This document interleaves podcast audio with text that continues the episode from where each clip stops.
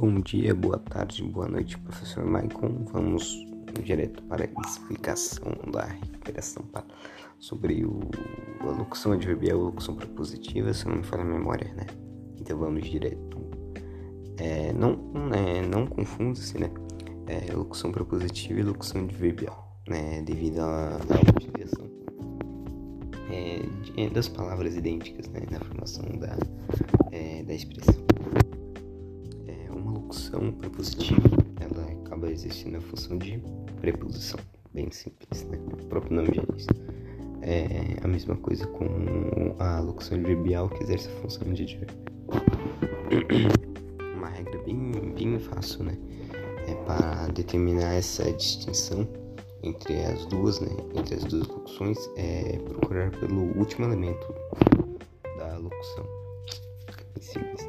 Se o último termo, né?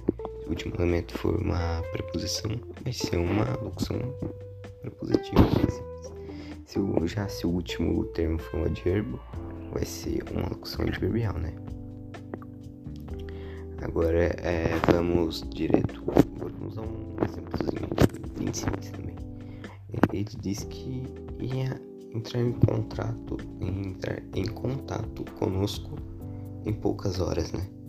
É dentro de poucas horas é uma locução prepositiva, é dentro advérbio de preposição. É, agora, é, o jeito na casa por dentro era outro, né? É, o jeito da casa por dentro era outro. Aqui, ó. Por é, é uma locução adverbial, por é preposição e dentro é advérbio.